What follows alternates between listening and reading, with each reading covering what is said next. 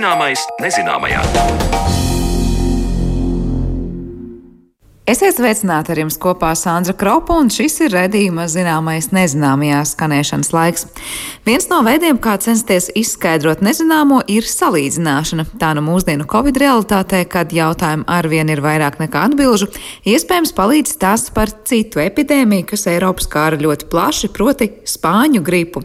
Tiek veikti salīdzinājumi un izdarīti arī secinājumi, taču cik ļoti līdzīgi šie abi vīrusi ir, un vai pēc spāņu gripas scenārija varam prognozēt arī Covid-19 attīstību, atbildes meklēsim raidījuma otrajā daļā. Taču līdz tam stāst no mūsu arhīvu krājumiem par to, ko cilvēki par vitamīniem domāja agrākos laikos. C vitamīnu mākslīgi sintēzēja pagājušā gadsimta 20. gados, un desmit gadus vēlāk sākās tā rūpnieciskā ražošana arī Latvijā.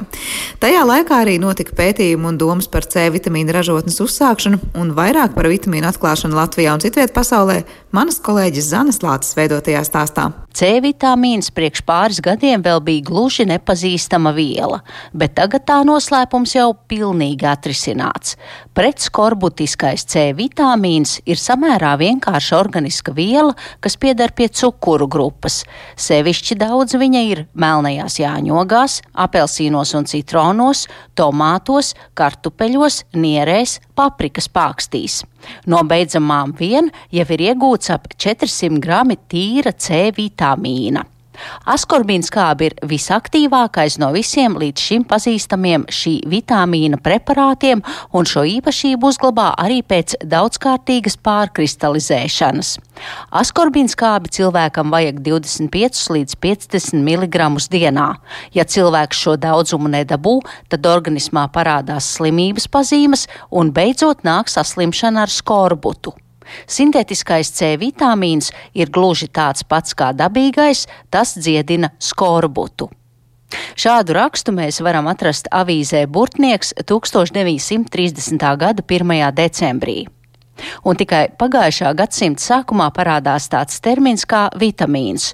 Šo vielu no kviešu dīkstiem 1911. gadā izdalīja poļu izcelsmes amerikāņu bioķīmiķis Kazimirs Funks, kas to nosauca par dzīvības amīnu jeb vitamīnu. Tas bija B1 vitamīns. Lai arī 18. gadsimta vidū tika publicēts traktāts par cingu, proti slimību, ko izraisa ilgstošs C vitamīna trūkums organismā, un traktātā ir teikts, ka svarīgi uzturā ir lietot citrus augus un zaļus dārzeņus, pagāja aptuveni 170 gadi, līdz tika noskaidrots, kas tad ir tās vērtīgās uzturvielas, kas pasargā no cingas jeb skorbuta un citām ar vitamīnu trūkumu saistītām kaitēm.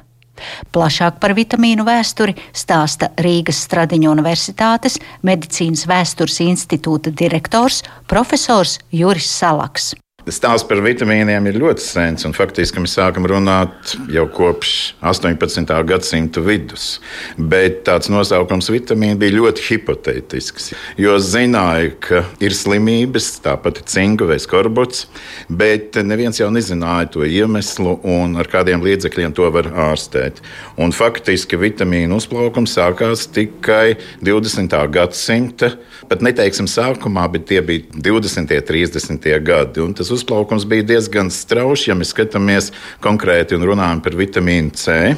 Jo beidzot, pēc 175 gadiem, kad tika konstatēts tiem jūrniekiem, kuriem slimoja ar cingu, ka ir kaut kas, kas izraisa šo slimību, tikai pēc 175 gadiem Ungāru zinātnieks Džģie atrod to vielu. Pilnīgi nejauši, un atrod viņu sarkanā paprikā.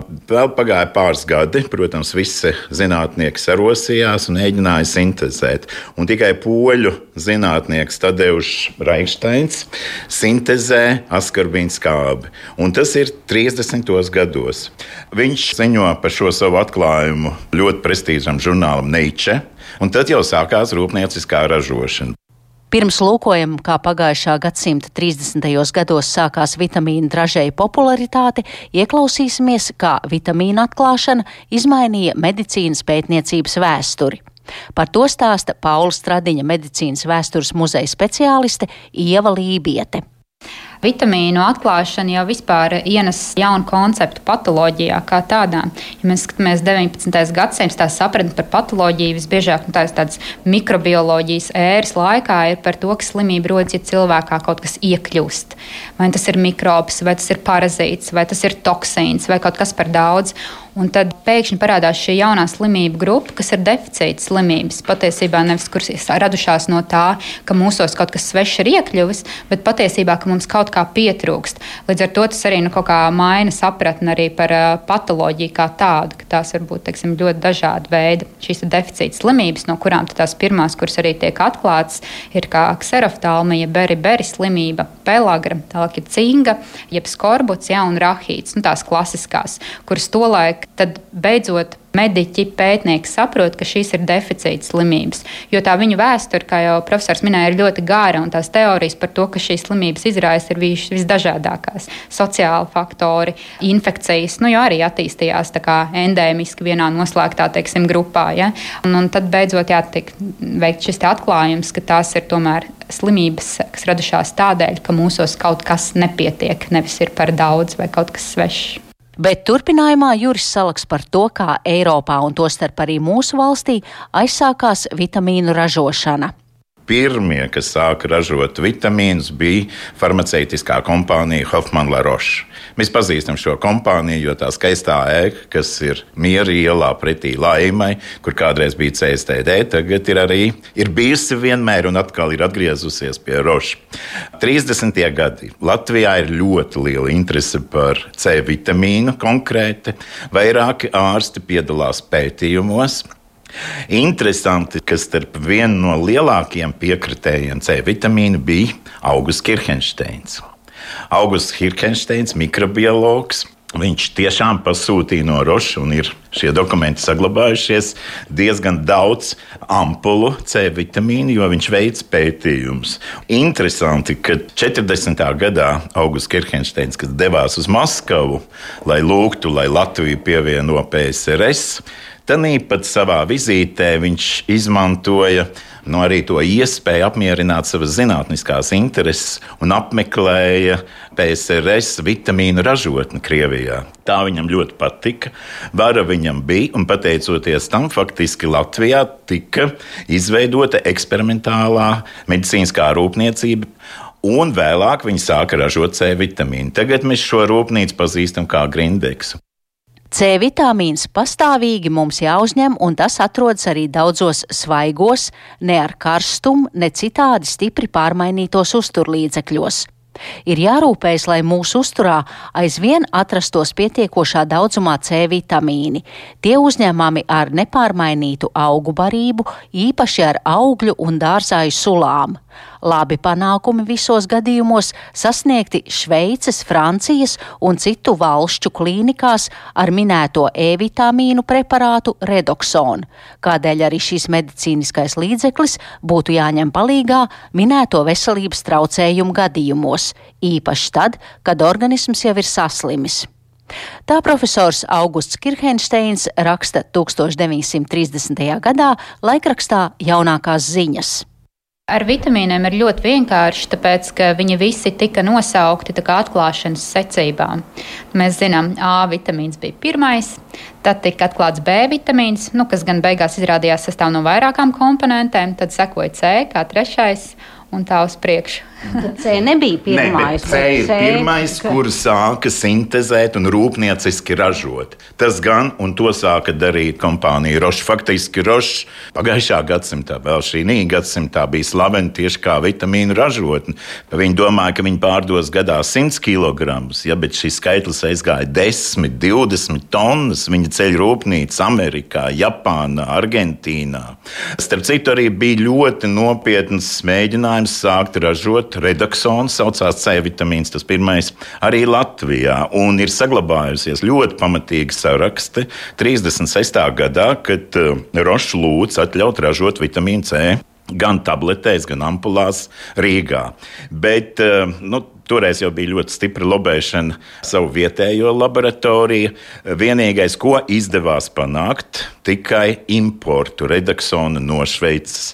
Un tā bija tā, nu, diezgan skaļa lieta, jo pat Šveices vēstnieks Šteferts tajā laikā bija iekļauts un, un šo lietu skatījās gan Bernē, un par redaksonu runāja arī, ka tika parakstīts jauns sadarbības līgums starp Latviju un Šveici 30. gadu vidū.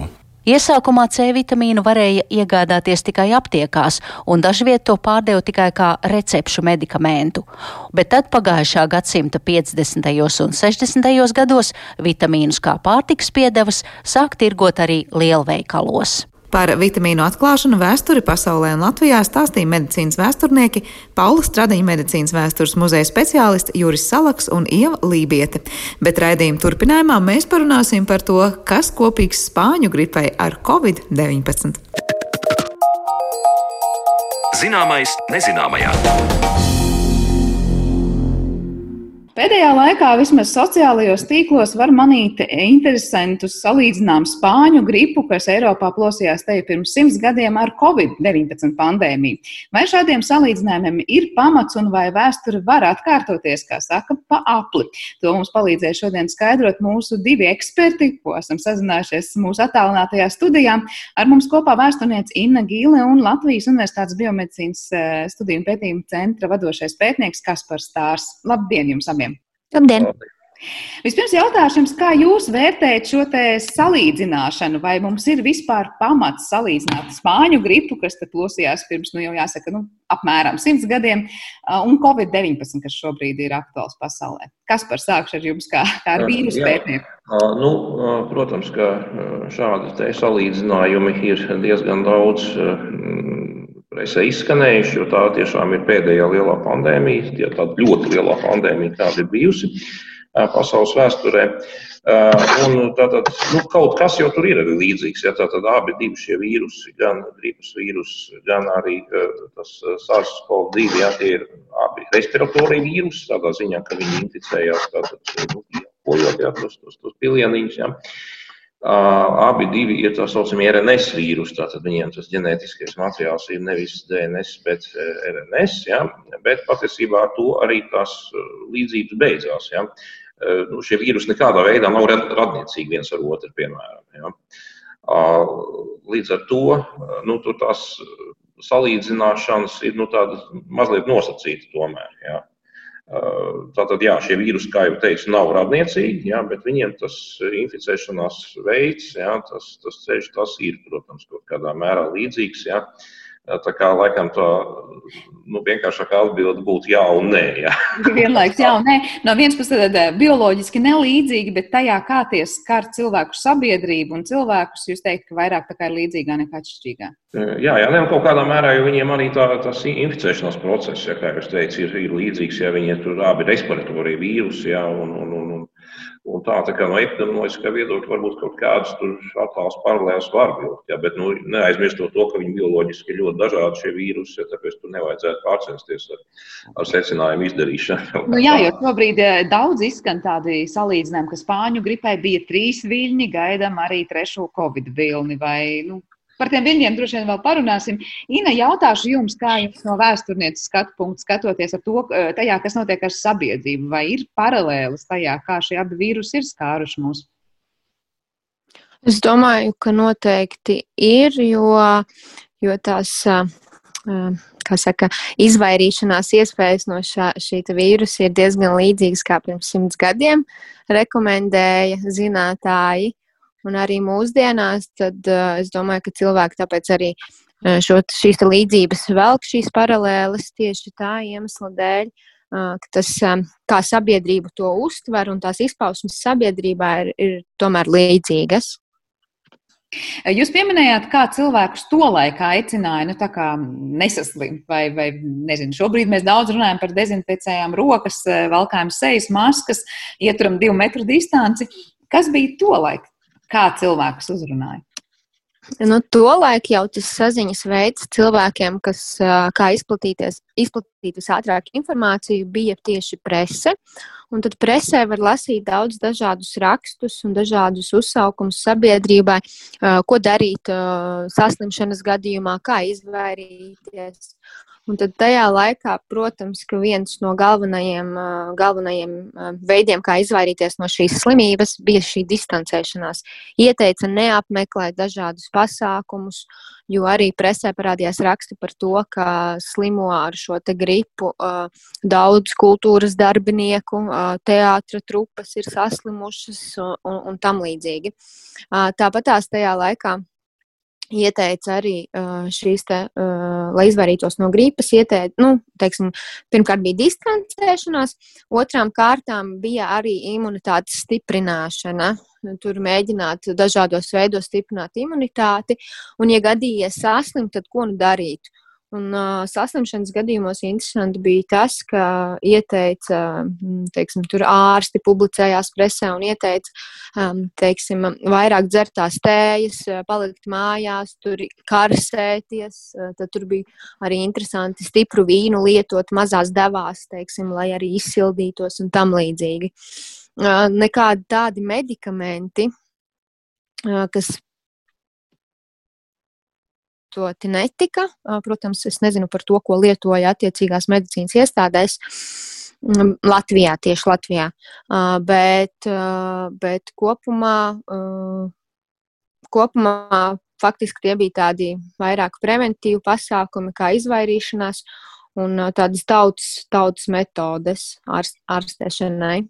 Es nezinu, cik atbilstoši patiesībai vai leģendām ir tas, ka viena no tādām tautas metodēm, kas tolaik nu, bija plaši izplatīta un ieteikta, bija ierīvēties ar sīpoliem, tā kā krūšu daļu ierīvēt ar sīpoliem, vai tā ir kaut kas arī vēsturnieku vidū dzirdēta versija, vai tā ir tāda vairāk kā um, internet dzīve versija?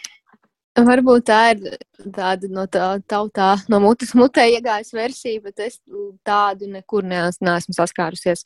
Tas, ka ierīvēties ar, ar, ar stipru, nu, ar degvīnu, jā, bet ne ar, ne ar sīpoliem. Tādu, tādu versiju es nebiju dzirdējusi. Jā, nu droši vien, ka daudz runāja par to, kas ir bijis pirms simts gadiem, un kā var teikt, nu, vienkāršie cilvēki tur savās mājās ārstējušies vai mēģinājuši izvairīties no saslimšanas. Nu, ir tiešām tāda patīkama augsne, laba augsne leģendām. Kas par vai jums ir kas zināms par to medicīnisko pusi, kā to laika ārstējās un kas varēja palīdzēt? Nu, Protams, ka eh, nebija tajā laikā, tajos laikos pieejami ne pre, pretvīrusu preparāti, ja, eh, ne arī antibiotikas. Tas ir, respektīvi, tiešā veidā īsti nevarēja ārstēt, ja, ne, to, ne to primāro vīrusu saslimšanu, ne arī to sekundāro kaut kādu saslimšanu ar baktērijām. Ja. Nu, kaut kādas zāles jau toreiz bija, nu, bet, nu, piemēram, aspirīns. Es zinu, ka bija. Es gan nemācīšu pateikt, cik, cik viņi tiešām reāli lietoja tajos laikos, šeit, šeit Latvijā, ja, bet kaut kāda simptomātiska ārstēšana jau bija. Ja. Protams, ka tajos laikos arī bija daudz vairāk izplatīti, varbūt kā tagad, tur tie tautas līdzekļi, ja, konkrēti par sīpoliem es nemācīšu pateikt, bet es domāju, ka noteikti viņi tur lietoja ķiploku, ja, kas, kā zināms, pie mums arī ir tautas līdzeklis visiem dzīves gadījumiem, ja tur gan nekāda zinātniska pierādījuma. Tām, tām nav, ka tas kaut kādā veidā varētu palīdzēt, jā, bet nu, atcerēsimies, ka tajos laikos jau tiešām arī tās iespējas bija ļoti, ļoti ierobežotas. Jā. Jā, es gribētu arī piebilst tieši par tām iespējām, ka tas laiks, kad spāņu gripa piemeklē Latviju, sakrīt ar neatkarības kara laiku. Ko tas nozīmē? Tas nozīmē to, ka Latvijas teritorijā 18. un 20. gadā Latvijas teritorijā atrodas vairākas varas, katra īsteno savu veselības aprūpas politiku, kāda tā ir iespējama. Līdzekļi arī medicīniskie līdzekļi uh, tiek no, kā, novirzīti vairāk tieši militārajai jomai. Tas ir vairāk, piemēram, Latvijas bruņotiem spēkiem, pēc tam Latvijas armijai, Un, un šie iedzīvotāji, viņiem nemaz nav tādas lielas piekļuvas tādām neaptiekām, jo arī šīs aptiekas bieži vien ir uh, rekvizētas. Uh, katra vara ir rekvizējusi medicīniskos līdzekļus, cik nu, cik nu tas iespējams. Un tad ir piemēram pat ziņas, ka grobiņā ir mēģināts uh, rekvizēt nu, lielā daudzumā šos medicīniskos līdzekļus, un tad iesaistās sabiedrība, kur saka, ka tad civiliedzīvotājiem vispār nebūs nekāda piekļuve ārstniecības līdzekļiem, ja tas notiks. Līdz ar to jāsaprot, ka tā spāņu gripai ne tikai ka viņai ir pateicīga vide, lai tā kā izplatītos, bet arī grūti viņa būtu ārstēm, jo arī šajā laikā Latvijā uzliesmo citas uh, epidēmiskas slimības, piemēram, vēdera tīvs, holēra, dizentērija. Un, kas interesanti, piemēram, 20. un 30. gados tieši vairāk runā par tīfu ārsti nekā par spāņu gripu Latvijā.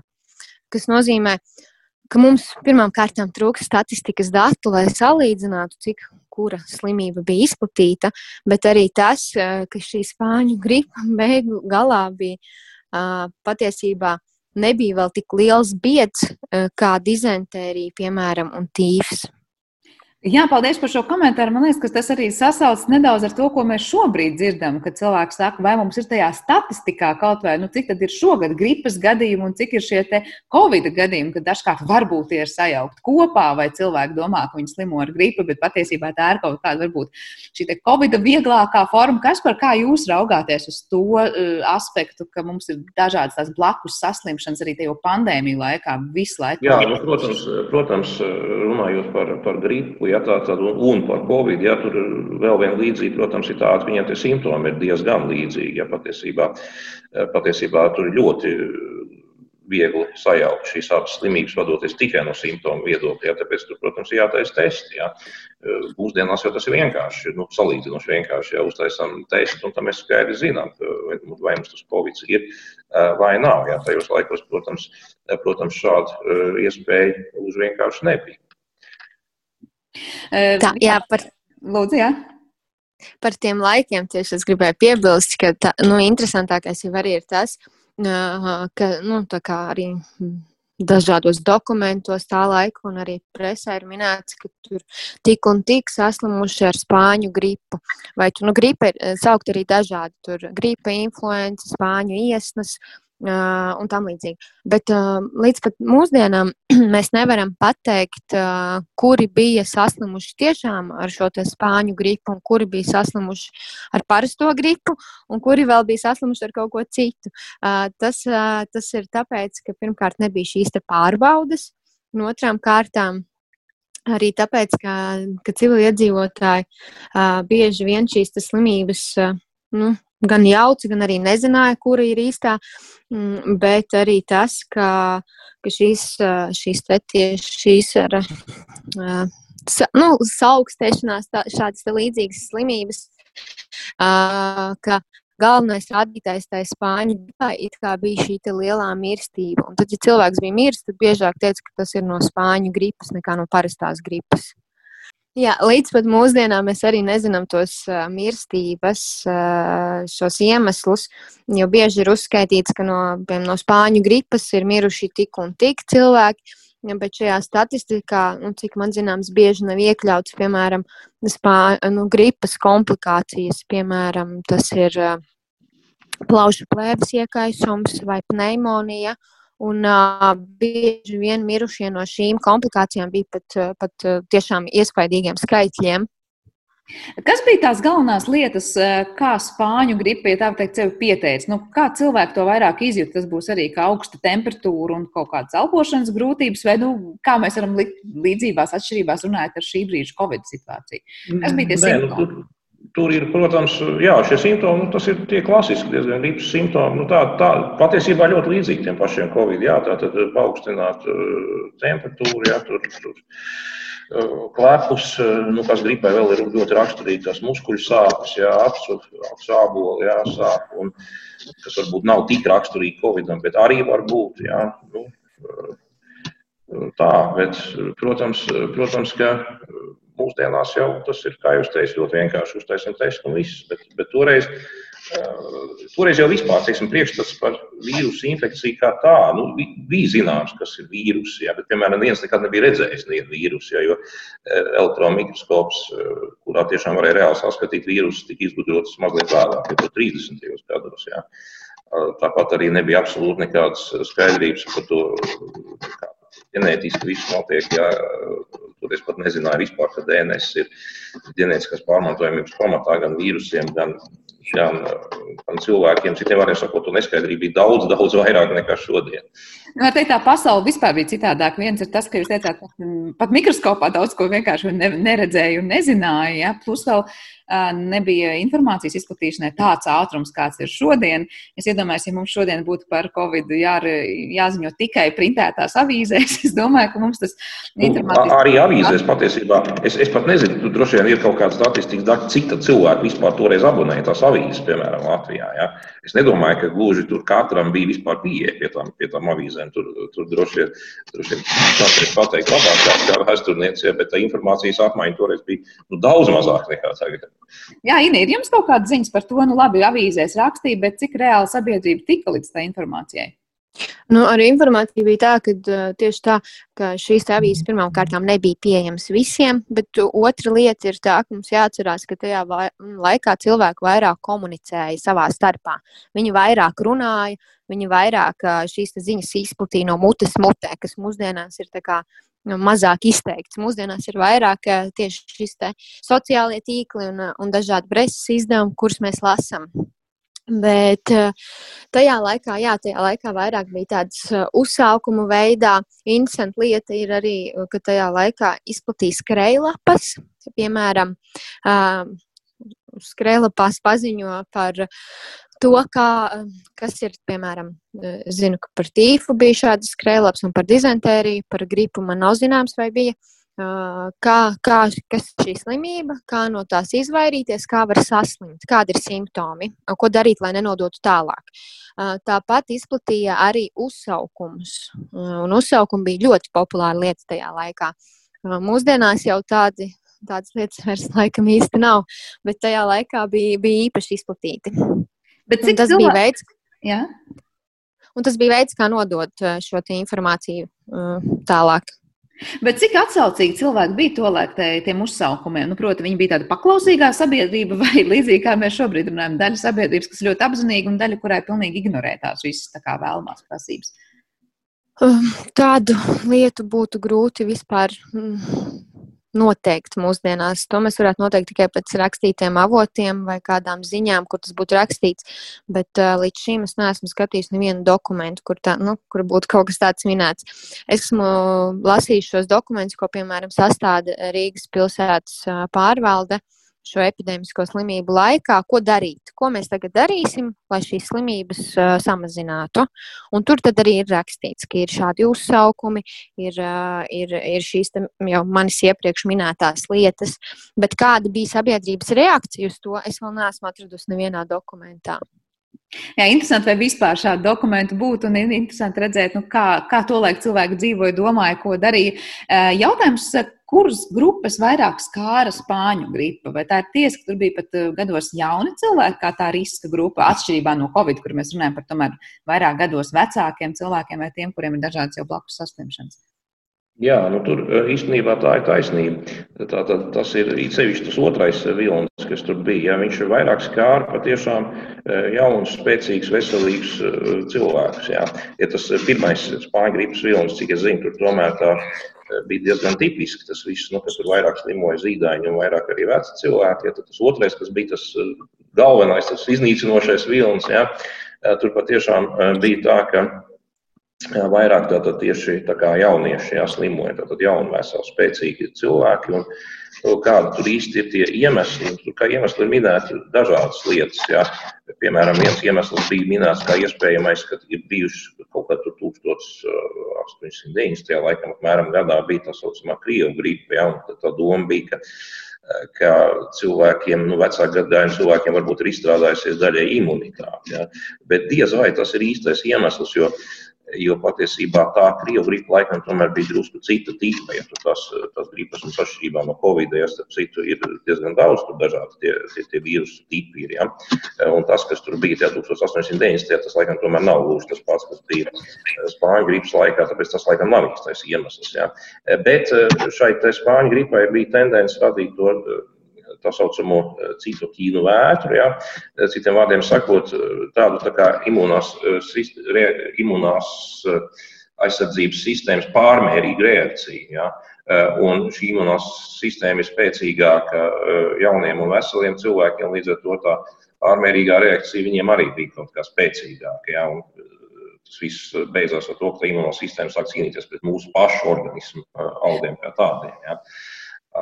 Tas ir tas viens no skaidrojumiem, kāpēc tur bija šī ļoti netipiskā jā, izplatība tieši jauniešu vidū. Šobrīd jau mums nav pamata domāt par to, ka tas Covid pirmajā saucamajā vilnī un tagad būtu ļoti mainījies un citādāk arī tur varbūt. Nu, nu, pagaidām, pagaidām nav tādas tāda datuma. Tas otrais, tas uzplaiksnības vai otrais vilnis, kā nu mēs viņu saucam, jau tikai nesen ir sācies. Mēs patiesībā īsti labi vēl nezinām, bet nav, nav pagaidām no tādas mhm. tendences. Ina, jums bija kas piebilstams?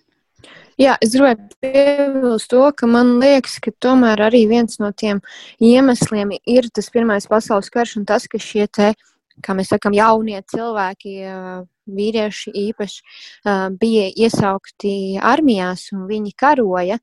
Un šis karš tomēr arī kaut kādā veidā ietekmēja veselību, jo, jo pārtiks bija tik, cik viņas bija, bieži viņas trūka, un, un cilvēki arī bieži nebija pēduši.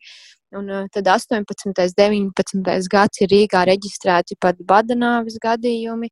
Un, uh, un es domāju, ka tā arī bija kaut kāda, tas arī bija tāds pateicīga, pateicīga vide, kurā varēja šī slimība izplatīties. Un kas man liekas arī tā diezgan, diezgan šausmīgi tieši par šo laiku, ka karš jau tā bija prasījis daudz dzīvības, un vēl šī spāņu gripa un vēl citas epidēmijas, ka tas ļoti ietekmē demografiskos rādītājus uz 20, 30 gadiem.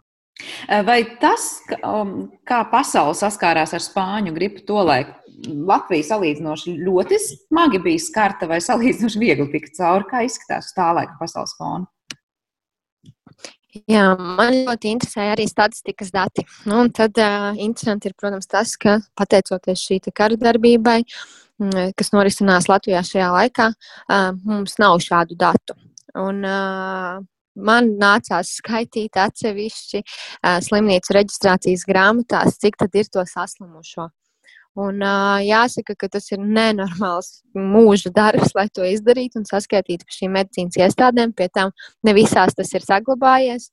Tad, nu, piemēram, zinot to, ka Rīgā uh, atradās tādas, bija tāda sanitārā komisija, uh, kura apkopoja datus kopš 1909. gada par uh, Rīgā no epidēmiskām slimībām mirušajiem cilvēkiem. Nu, tad, lūk, šī komisija arī saskaitīja šos slimojošos. Un tad ir zināms, ka, piemēram, no 1918. gada uh, septembra beigām līdz novembra sākumam ar spāņu gripu, kā viņi to dēvēja, mēs nezinām, vai tur iekšā ir parastā gripa vai vēl kaut kas, tad bija saslimuši apmēram, nu, teikšu, apmēram 3000 cilvēki. Tad, tad tas ir Tas sanāk mēnesis, gan arī nu, divi mēneši, cik tas sanāk mazāk, pat, ka tas ir pietiekami liels skaits Rīgā vien, nerunājot par pārējo Latvijas teritoriju. Nu, tad, salīdzinot ar Covid, mēs redzam, ka saslimušo skaits jau šajā, šajā, līdz šai dienai ir krietni mazāks.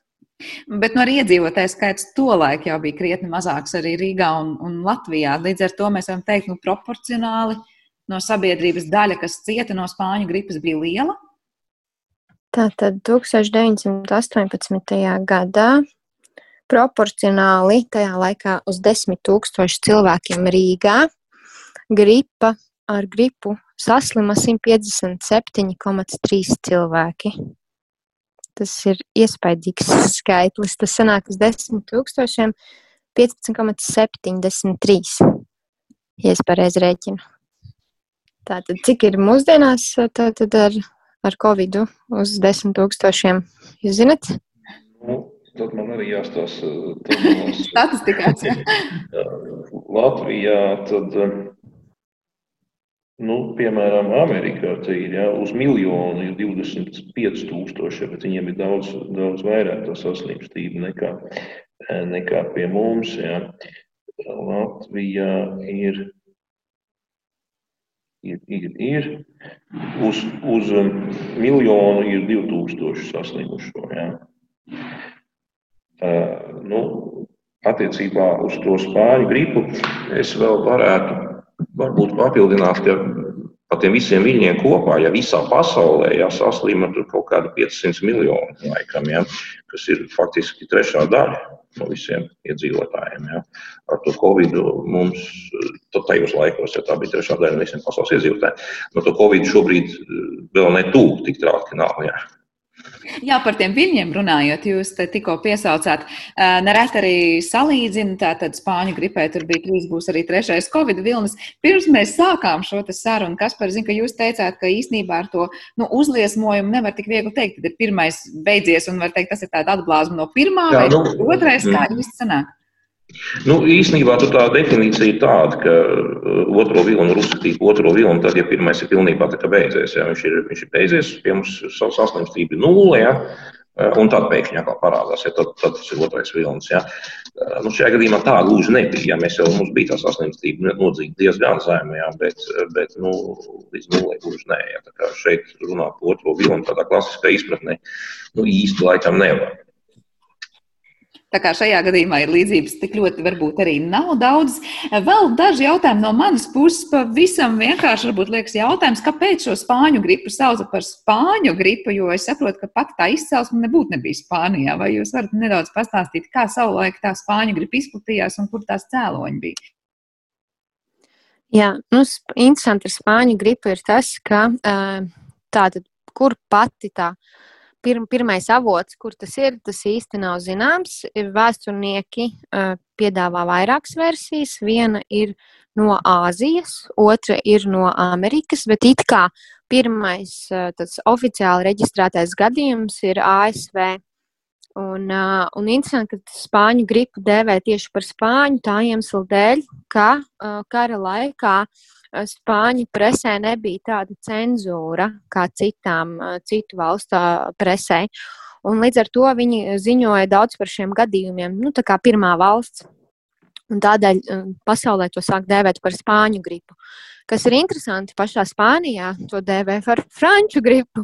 Bet uh, Latvijā, protams, arī šie nosaukumi ir ļoti dažādi, bet vis, tas vispazīstamākais ir tieši šī spāņu gripa. Vai no vīrusu izplatības ceļa, kas par ir kas piebilstams par to, kā izplatījās spāņu gripa, kā izsākās un ko mēs no tā varam vai nevaram? Nu... Jā, nu, tur, tur ir arī uh, dažādas uh, teorijas. Un tas, tas, tas, protams, ir saistīts ar to, ka tas bija kara laiks. Ja, uh, un, uh, protams, ļoti daudz no tiem saslimušajiem bija tie, tieši karavīri. Ja. Redziet, tur izveidojās tāda paradoxāla situācija. Ja parasti jau ir tā, ka tie, kas ir, nu, ja ir, ir teikt, civilie miera apstākļi, ja, sevišķi tajos laikos, kad cilvēki daudz apkārt nebraukāja, ja, tad toreiz bija tā, ka tie, kas ir smagāk saslimuši, ja, viņi tā kā nu, uz vietas ir kaut kur mājā, līdz ar to to slimību mazāk izplatīta. Ja? Savukārt, tie, kas ir vieglāk, nu, vairāk staigā apkārt, tie, kas ir vieglāk saslimuši. Līdz ar to vairāk izplatās Eh, nu, tie vieglākie tie vīrusu varianti kaut kā tā. Ja. Eh, bet šajā gadījumā īstenībā viss bija mazliet otrādi. Ja, jo, eh, ja frontē ja kāds smagi saslimst, ja, viņš momentā tiek aizsūtīts uz hospitāli, ja, kas ir kaut kur tālu prom īstenībā. Ja, savukārt tie, kas ir viegli saslimuši, tie turpat turpina uh, karot kaut kā tā. Ja. Tas arī varētu būt viens no tiem iemesliem, kāpēc tieši šī gripa izplatījās ja, tādā, tādā smagā formā. Ja. Un arī tur ir mēģināts vilkt paralēlus ar, ar, ar nu, to droši vien, droši vien Nīna labāk mācīs, mācīs pateikt, ja, bet ar brīžiem, kad karavīrs atkāpās no, no frontes, devās jau uz mājām prom un, un, un, un tā tur tos viņus kaut kā sasaistīt kopā.